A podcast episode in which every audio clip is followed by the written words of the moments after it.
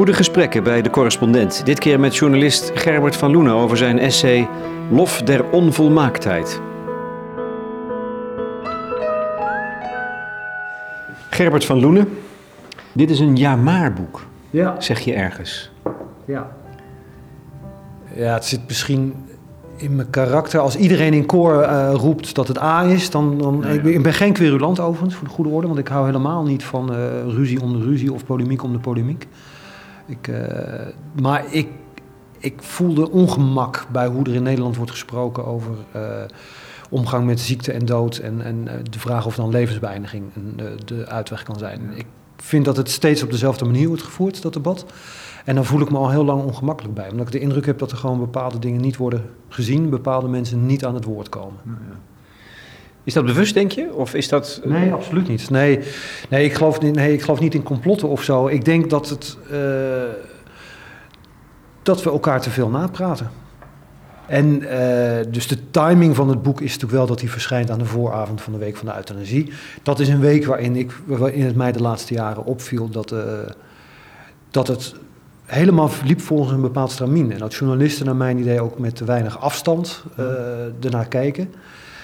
En ik laat zien dat het ook. Ik, ik, ik geef wat mogelijkheden, ik noem wat begrippen en ik laat wat mensen aan het woord die net een ander perspectief bieden. In de hoop dat het debat breder wordt en in de hoop dat, het, eh, dat mensen tot nieuwe inzichten komen.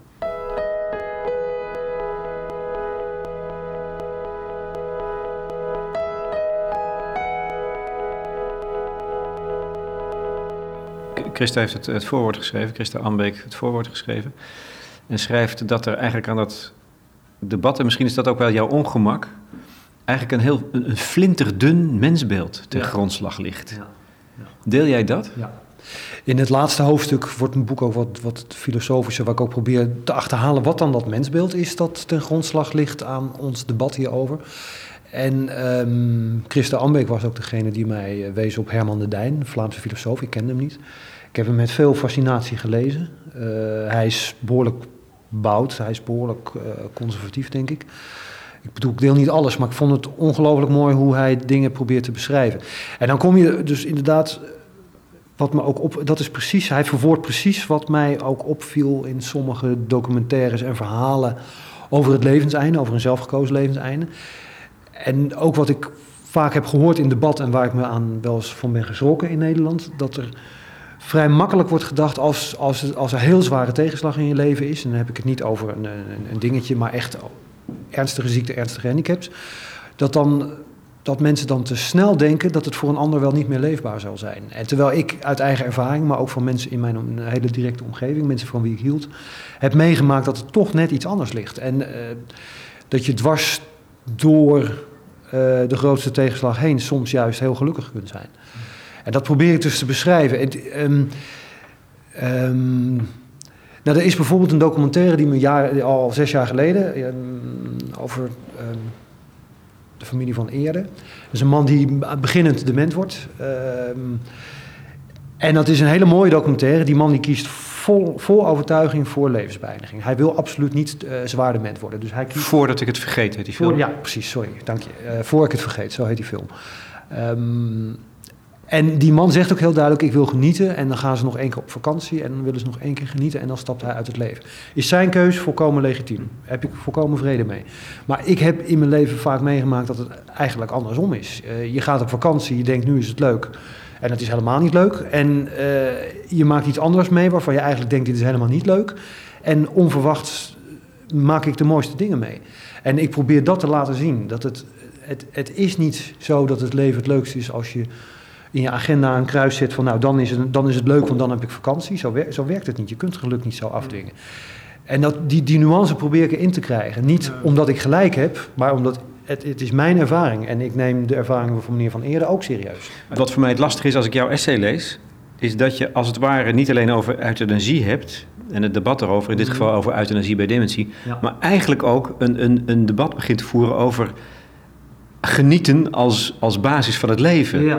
Door euthanasie heen. En dat, dat zijn twee to- voor mij totaal verschillende dingen. Nee, ze hangen samen. Ze hangen samen. Ik probeer dus het debat te verbreden. We zitten nu in een soort uh, vast stramien, bijna een tunnelvisie soms in het publiek debat. Uh, als het gaat over leven met ernstige ziekten, ernstige handicaps, komt er al snel die vraag van... Is daar, is daar de dood niet het, het, kleinere kwaad?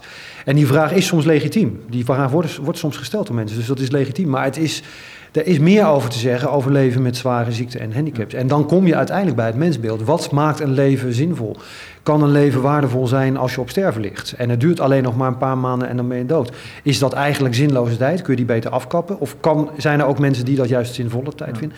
Dus ik vind dat één uh, ik vind dat onderdeel van een groter geheel. En ik probeer die, die grotere discussie te voeren. Maar daarachter ligt het, voor mijn idee dat je naar deze wereld kijkt, of naar de ontwikkeling in deze samenleving, als een wereld waarin genot, als het ware, het enige is wat telt. Weet je, en dat is een heel ander soort debat, wat je, wat je ook lijkt te willen voeren. En je kunt je afvragen, eh, hebben mensen niet recht op een flinterdun uh, mensbeeld? Zeker. Als mensen een flinterdun, als mensen een flinterdun mensbeeld willen aanhangen, ben ik, ben ik niet degene om ze tegen te houden. A, kan ik dat niet en B, wil ik dat niet. Dus dat is duidelijk. Maar ik kan natuurlijk wel zeggen, jongens, volgens mij is er nog een andere optie. En uh, ik trek het inderdaad breed, want ik heb het niet alleen over euthanasie, dus bij mensen die zelf kunnen beslissen over hun eigen leven, omdat ze bij een volle verstand zijn. Ik heb het ook bijvoorbeeld over levensbeëindiging bij baby's uh, die ernstig lijden omdat dat uh, dezelfde discussie is. Het gaat uiteindelijk over wat je, wanneer je vindt dat het leven zo zwaar wordt dat het beter kan worden beëindigd. En die discussie voeren we in Nederland anders dan we in de media altijd suggereren. Niet alleen over mensen die zelf kunnen beschikken, maar het gaat natuurlijk in de praktijk ook soms over mensen die niet voor zichzelf kunnen beslissen, zoals baby's. En uh, ik vind dat een heel interessante discussie, omdat die veel moeilijker is. Het is veel moeilijker om te rechtvaardigen dat je andermans leven beëindigt, omdat je denkt dat het in zijn belang is. Zoals de vader die ik in mijn boek interview, die heeft uh, toegestemd dat artsen het leven van zijn uh, zwaar gehandicapt geboren zoontje beëindigden. En die vader heeft daar heel goed over nagedacht in een crisisperiode, want ze hadden maar een week. En die uh, kan volgens mij ook heel goed onder woorden brengen hoe moeilijk dat besluit was. En, en tegelijkertijd laat ik iemand aan het woord die 18 jaar is geworden met dezelfde aandoening, spina bifida, die eigenlijk against all odds heeft doorgeleefd, want het was eigenlijk niet voorspeld dat hij zover zou komen. En die ook weer daar heel lachend zit van ja, hoezo zou mijn leven zo moeilijk zijn, want ik ben toch heel ver gekomen. Dus ik probeer dat te laten zien en het zijn uiteindelijk allemaal kwesties waarin je dus probeert te beoordelen wanneer is een mensenleven waardevol, wanneer is het beter om, om, om te sterven. Je zet, Gerbert van Loenen, nadrukkelijk twee eigen ervaringen in. Ja. Ernstige ervaringen. Um, de een gaat over jouw eigen vriend die een hersentumor kreeg. En dat moet je zien, dat voorbeeld, in relatie tot lijden. Want dat is eigenlijk een van de belangrijkste vragen. Hoe, wat betekent lijden nog vandaag de dag in ons leven en hoe moet je ermee omgaan? Ja. Is er een zin te geven aan lijden? Ja, dit is ongelooflijk moeilijke vraag. Nou, hij is niet eens, niet eens zo moeilijk, hij is vooral heel heikel. Ik beschrijf dat ook in mijn boek, omdat mensen snel denken dat dat iets christelijks is. Dus dat het een, een christelijke opvatting is om het lijden te verheerlijken. Nou, de meerderheid van de mensen in Nederland is niet meer christelijk. Denk dat we ook wel echt in een cultuur leven die op uh, heel duidelijke wijze afstand aan het nemen is van, die christelijke, van dat christelijke verleden. Um, en dan krijg je dus snel dat mensen zeggen, nou ja, met alle respect, maar we zijn niet meer christelijk. De meerderheid van Nederland is niet meer christelijk. Dus we kunnen nu ophouden met het verheerlijken van het lijden. En uit dat frame wil ik wegkomen. Um, ik denk, ik ben zelf christelijk, ik ben uh, protestant, maar van het liberale soort, dus niet direct van het uh, zwaarmoedige soort. Uh, maar ik denk dat, je, dat we daar helemaal weg van moeten, want ik, ik ben zelf net zo goed tegen lijden. Waar, waar je lijden weg kunt nemen, waar je lijden kunt verminderen, moet je het vooral doen. Ik bedoel, ik ben absoluut niet iemand die uh, oude leuzen aanhangt als ze niet klagen maar dragen ja. en binnen op kracht. Wat gebeurde er met je vriend? Um, de reden dat ik inderdaad toch wat anders naar ben gaan kijken, is dat mijn vriend um, een hersentumor kreeg in de jaren negentig. We waren toen zeven jaar samen. Hij begon opeens uh, af en toe wartaal uit te slaan. Dat bleek uh, lichte epileptische toevallen te zijn. Toen is hij uiteindelijk geopereerd aan die tumor. Die operatie gingen we vol goede moed tegemoet, want het leek, uh, het leek te doen. Het leek of de tumor zat op een plek waar die eruit gehaald kon worden. En ze hebben hem eruit gehaald, maar onverwacht is er toch hele ernstige schade ontstaan. Dus hij kwam bij uit de operatie met heel ernstig hersenletsel. En um, ik zag wel meteen dat hij voor de helft uh, verlamd was, dus zijn linkerzijde was verlamd. Maar ik dacht ook meteen, er is nog iets veel ergers aan de hand. Ik had meteen, zelfs toen hij nog niet bij was, op de intensive care al door, er is meer aan de hand. Ik voelde ook dat hij dat er heel veel aan de hand was. En toen hij bijkwam, bleek hij inderdaad ook verstandelijk niet de oude te zijn. Hij was eigenlijk veranderd in een heel lief klein broertje. Een heel schattig jongetje. En een stuk minder intelligent. Ja, dan, dat is, ja, wat betekent dat dan voor je? hoe, ben je daar, hoe, ben je daarmee omgegaan? dat,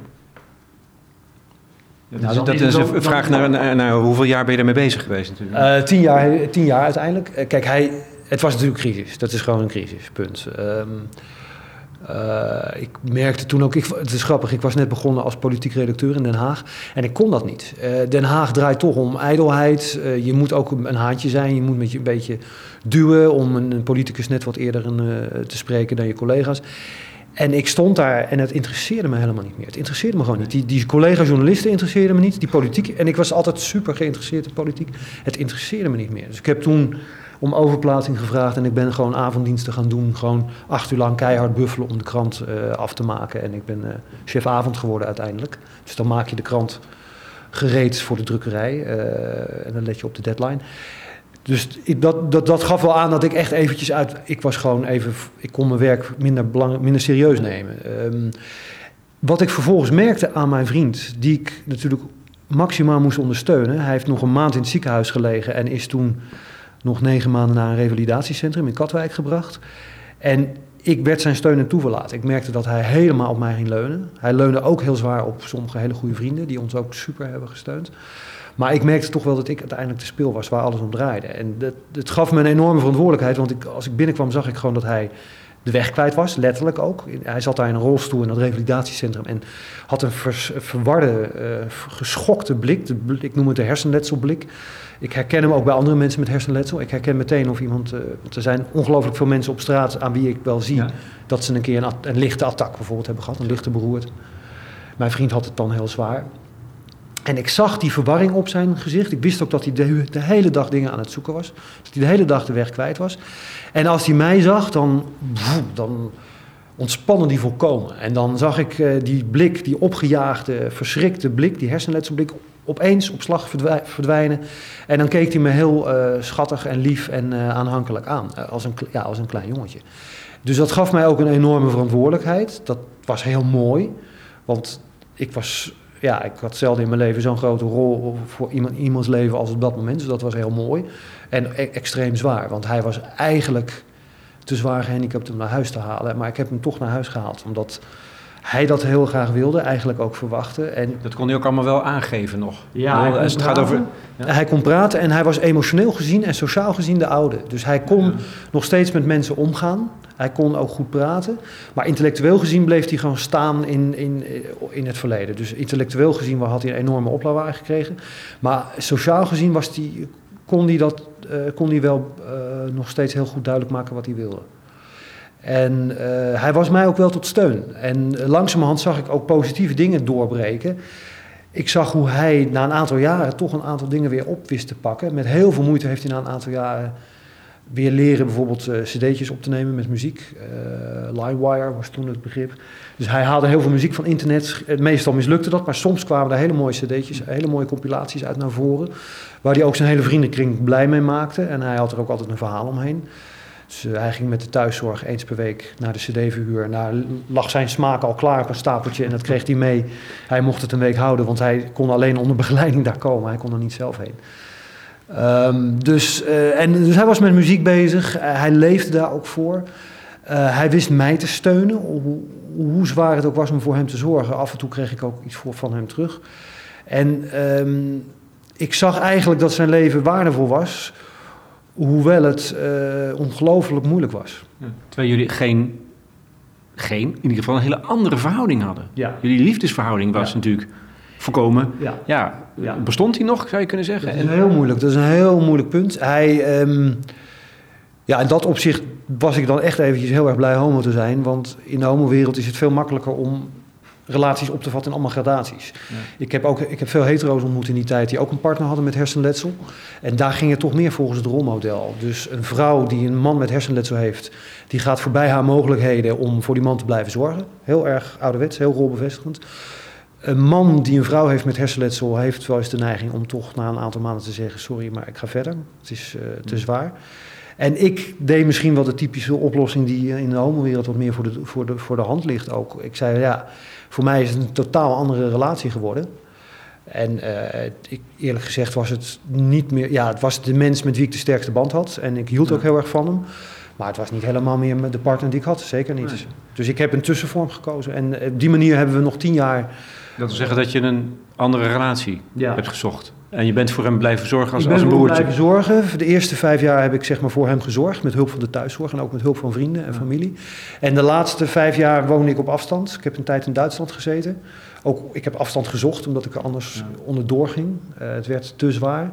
En hij was ook zo goed geworden dat hij toen zelfstandig kon aanleunen bij een tehuis voor mensen met hersenletsel.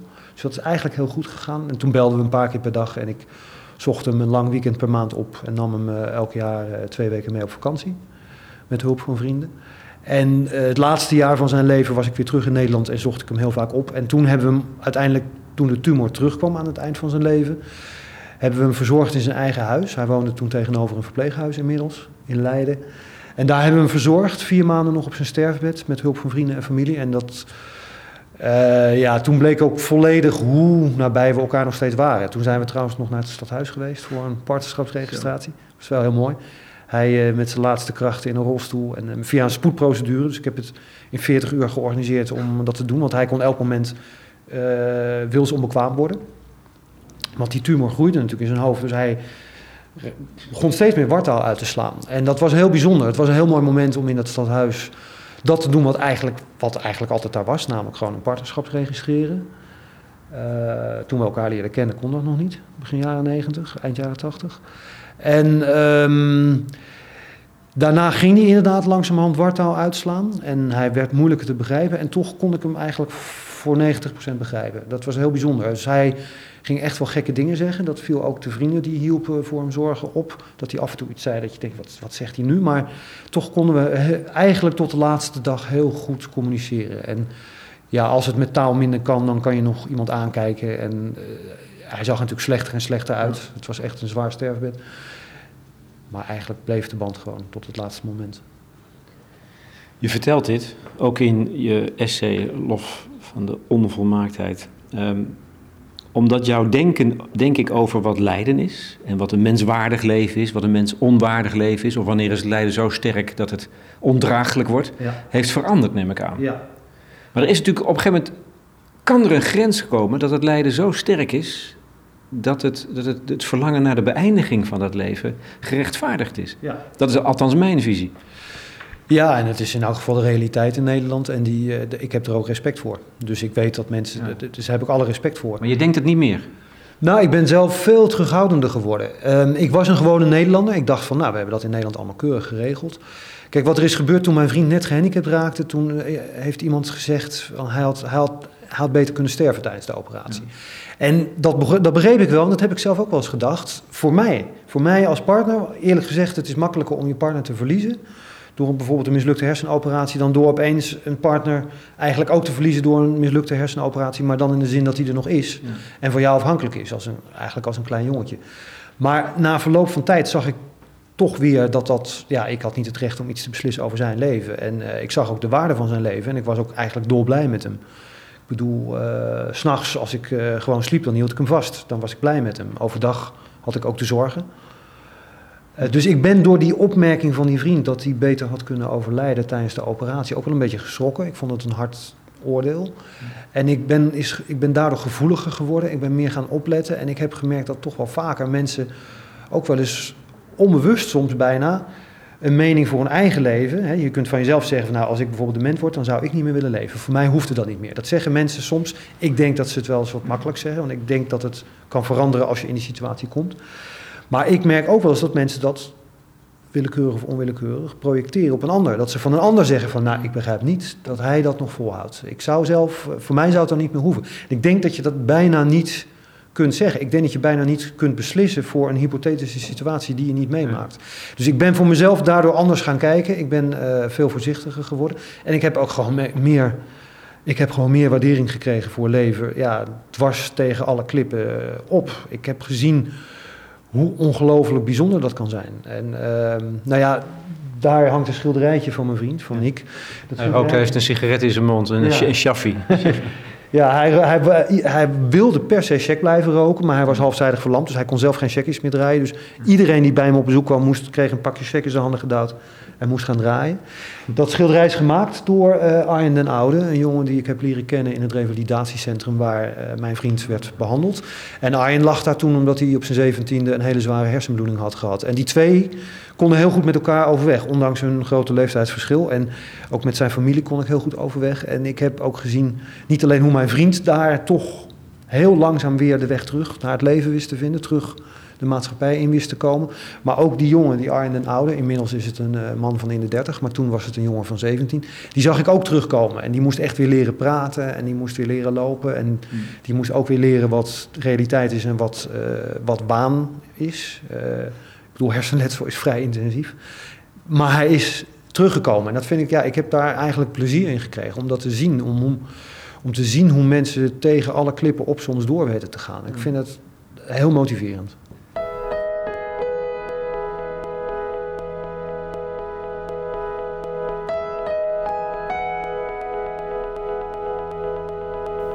Je, je richt je pijlen als het gaat om, om, om je, je kritische vermogen op twee dingen. Dat is, dat is hè, de omgang met lijden en wat ondraaglijk lijden is, dat is één. Het andere is zelfbeschikking. En dat is een belangrijke pijler van de euthanasie.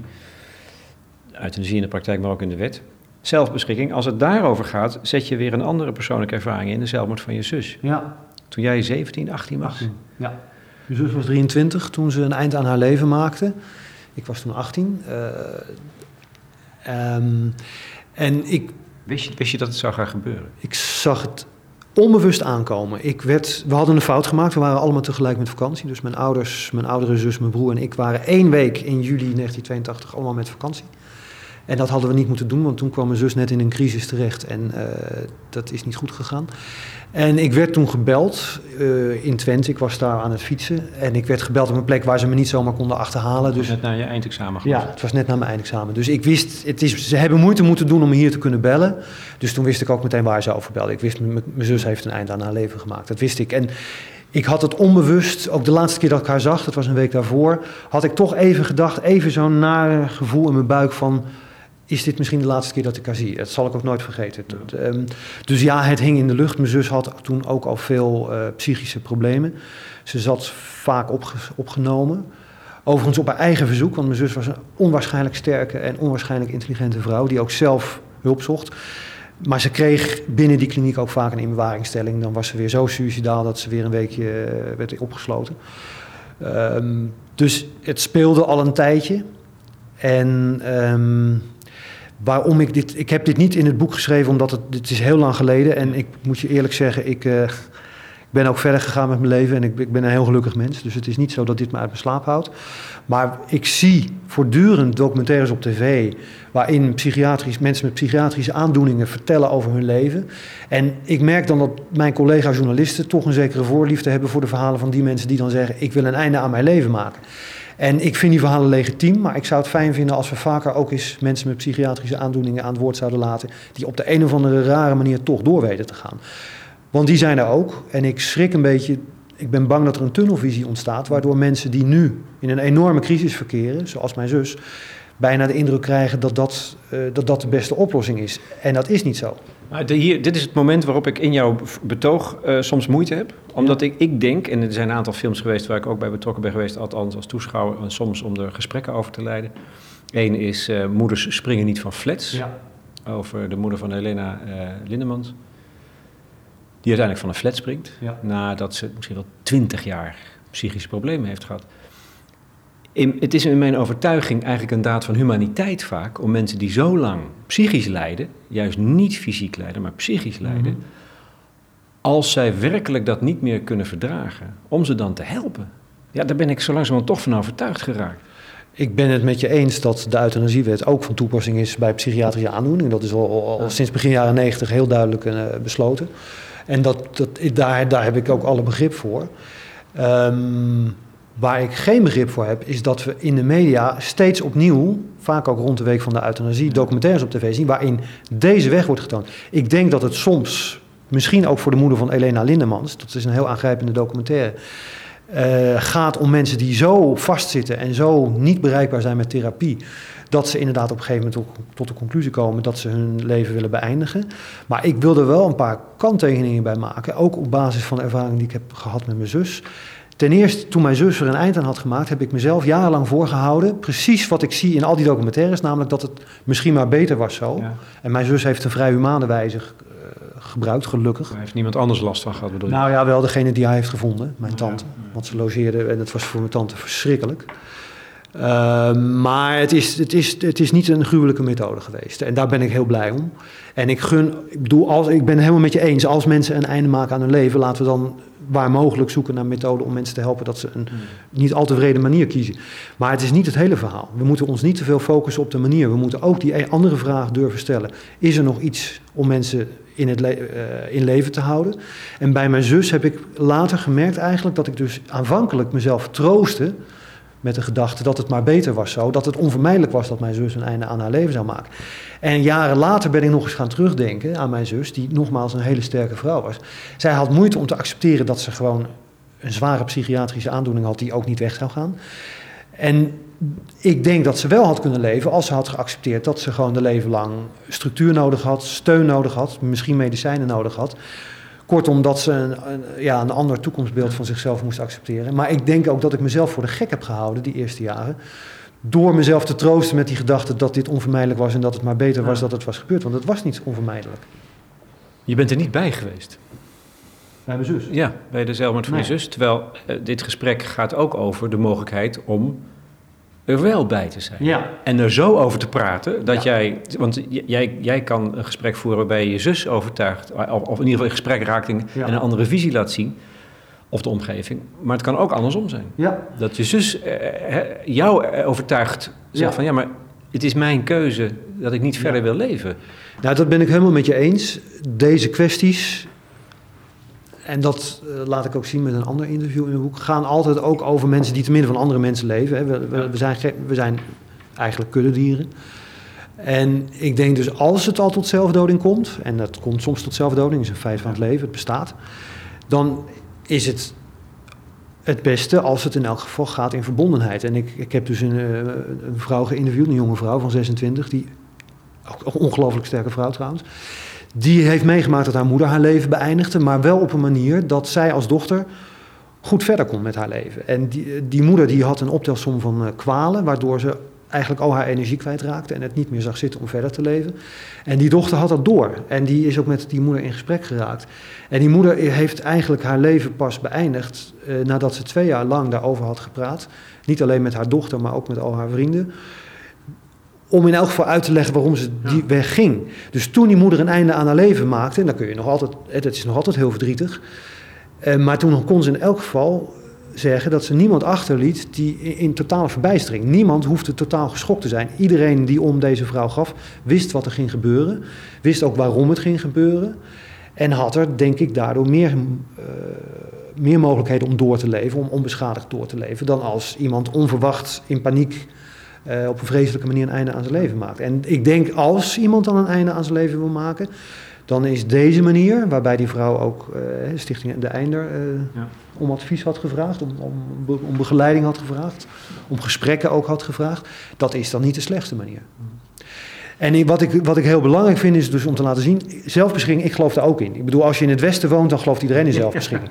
Want eh, mensen zeggen wel eens, ben je, eh, ben je dan tegen zelfbeschikking? Iedereen is volgens mij voor zelfbeschikking. Maar er is wel, en dat heb ik gezien aan mijn zus, en dat schrijft Christa Ambeek ook heel mooi in het voorwoord. Christa Ambeek heeft twee mensen in haar familie verloren door zelfdoding. Oh ja, precies.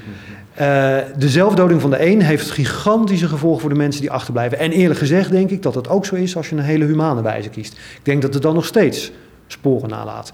Alleen ik denk wel dat de sporen veel minder diep zijn en veel minder schokkend zijn als iemand op een humane wijze er een einde aan maakt dan als iemand van een flat springt. Nou ja, ik denk dat het betoog dat jij ophoudt voor wat lijden is en wat lijden kan zijn, dat dat net zo goed kan gelden voor de omgang met dood en sterven en, en, en sterven willen. Dat je daar op een bepaalde manier ook in de omgang met elkaar, als het ware, nou ja, betekenis kan geven, een soort zin aan kan geven. Voor mij is de dood ook soms iets wat inderdaad verlossing biedt. Of mag ik dat niet denken? Je, eh, mag alles denken. Uh, nee, um, ik, denk, ik denk dat dat waar is. Ik denk zeker dat, er, ik denk dat het soms ik denk dat het voortdurend voorkomt, waarschijnlijk op dit moment dat wij hier zitten te praten, dat er iemand overlijdt en dat iedereen denkt, nou, dit is een, dit is een verlossing. Dit was een zwaar sterfbed. Ik besef ook dat het sterfbed van mijn vriend, waar ik dus werkelijk goede herinneringen aan heb, en waarvan ik denk, kan het hem niet vragen, dat het ook voor hemzelf een, een heel waardevol einde is geweest. Ik weet dat er ook andere sterfbedden zijn uh, die die anders verlopen, die moeizamer verlopen. Dat weet ik maar al te goed. Uh, en ik denk ook dat het dan soms dood een, een, verlossing kan zijn, zeker. Waar ik een beetje waar ik op wil wijzen is dat het, dat het niet zo simpel is volgens mij dat, uh, dat het leven fijn is als je uitgaat, als je kunt dansen, als je naar het café gaat, als je op vakantie gaat en als je hard werkt. En dat het niet meer leuk is als je tegenslag hebt. Mensen, ik hoor mensen vaak zeggen, ik hoop dat uh, het enige wat telt is je gezondheid. Hmm. Nou, ik denk dat je ziek kunt zijn en ontzettend gelukkig. Ik heb het gewoon gezien. Uh, ik hoor mensen ook heel vaak zeggen: Ik hoop dat ik opeens dood neerval aan een hartstilstand. Dan denk ik van nou, ik heb mijn vriend uh, tien jaar met een handicap en vier maanden op een sterfbed meegemaakt. En het was ongelooflijk waardevol. Dus ja. ik probeer die nuance aan te brengen en ik probeer mensen ook te laten zien dat het soms anders is dan het lijkt. Grappig hè, wat jij doet, een jaar ma, een jaar ma boek, ja maar boek schrijven zo voer ik dan weer dit interview. Dit is weer een, een ja-maar interview aan het ja. worden. Terwijl ik, ik, kan voor een belangrijk deel met je meegaan. Er zijn ook momenten waarop ik denk, ja maar, ja maar, dat, hè, maar dat is logisch. Omdat je voortdurend eigenlijk de tegenkant wil laten zien. Ja. Dat doen we allebei nu. Ja, ik, uh, ik, ik, probeer vooral het debat te verbreden. Ik ja. probeer het uh, breder te maken.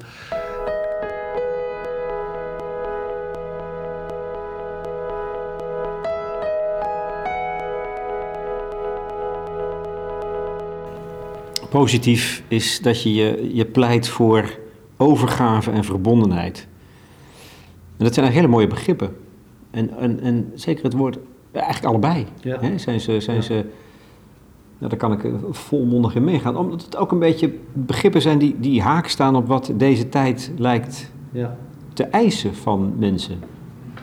Ja, ik denk, en dat, dat, dat, daarbij citeer ik ook enkele filosofen, Michael Sandel en Herman de Dijn die wijzen erop, en dat vind ik heel overtuigend, dat we weet je, doorslaan momenteel met pogingen om alles in ons leven onder controle te krijgen, om ons leven te beheersen.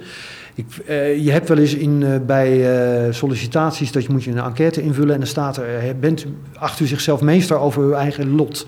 Ben je meester over je eigen lot? En als jij die baan wil, dan moet je dus zeggen ja, want we zoeken in onze cultuur mensen die zeggen, je kunt alles bereiken. Je kunt alles bereiken. Als je maar heel erg je best doet en verschrikkelijk je inzet en flink met de ellebogen werkt, dan kun je alles bereiken. Nou, ik denk dan eerlijk gezegd bij mezelf altijd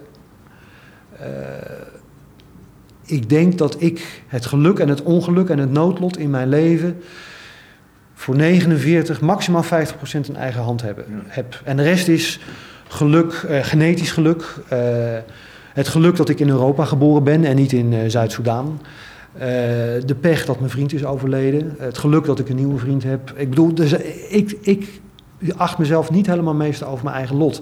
En ik zoek dus iets meer ook overgave. Uh, en dat heeft zelfs... Nou, dat heeft er zelf... Hoe doe je dat dan? Nou, het komt heel erg, dat heeft wel te maken met die tijd, nu alweer heel wat jaartjes geleden, dat mijn vriend gehandicapt raakte. Ik ben toen iets meer, mijn ogen zijn geopend. Ik, uh, ik stem ook minder rechts sindsdien. ja, ik was zelf ook wel iemand, ik was echt een, iemand, ja, uh, student in de jaren tachtig. Dus echt, nou, ook wel een beetje van, nou kom op jongens, niet zeuren, doe je best en dan vind je een baan. En... Uh, en ik denk nog steeds dat je wel veel kunt bereiken in het leven, maar ik ben iets, ik ben iets, ja, ik ben in dat opzicht socialer geworden. Ik heb meer oog gekregen voor ook wel de pech die mensen kunnen hebben in hun leven, de tegenslag die mensen kunnen hebben. En ook het mooie dat je kunt leven, dwars door de pech en de tegenslag heen. Dus ik ben, ik heb dat zelf door schade en schande ervaren en ik ben daardoor eigenlijk uh, veel gelukkiger geworden. En je ziet het, het, mooie is, je ziet dat terug in, uh, in oude religies. Overgave is een begrip dat in het christendom, maar ook in het boeddhisme een rol speelt. Maar in onze westerse cultuur draait het om het tegenovergestelde van overgave. Het draait om controle, beheerszucht. Ja. Ja, en het boeddhisten hebben ook een heel andere omgang met lijden natuurlijk. Ja, ja nou dat, dat, daar heb ik natuurlijk ook over gesproken met Christa Ambeek.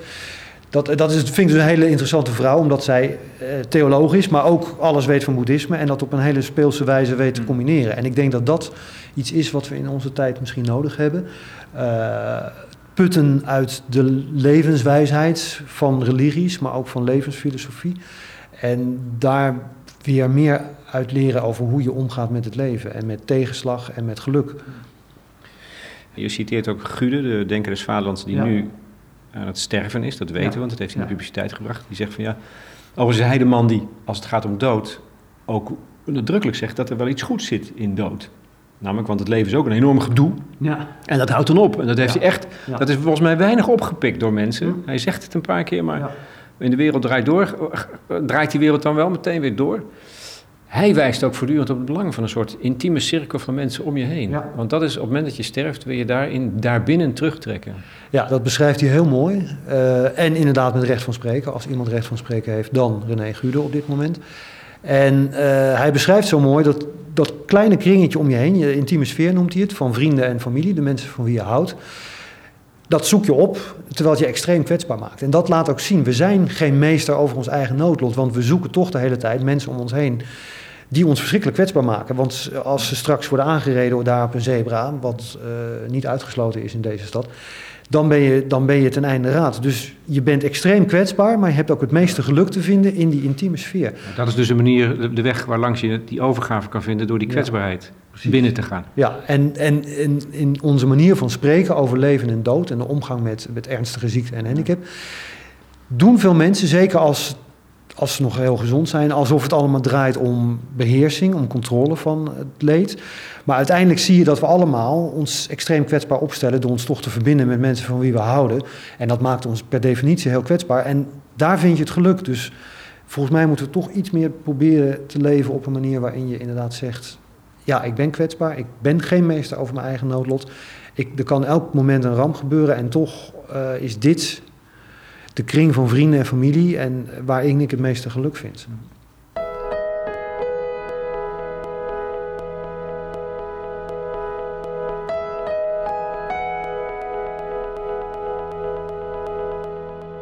Wat ga je nou doen, Gerbert van Loenen?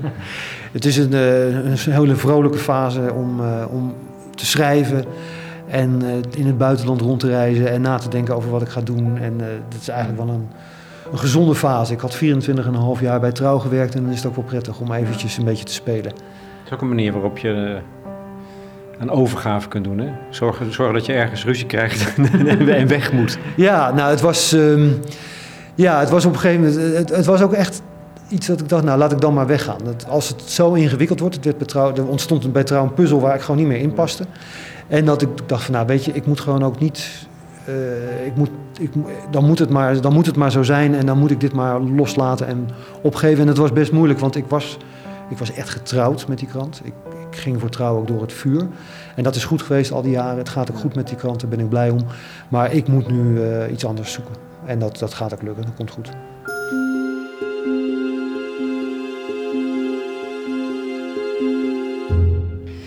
Gerbert van Loenen in gesprek met Lex Bolmeijer over zijn essay, zijn prikkelende essay Lof der onvolmaaktheid voor de correspondent.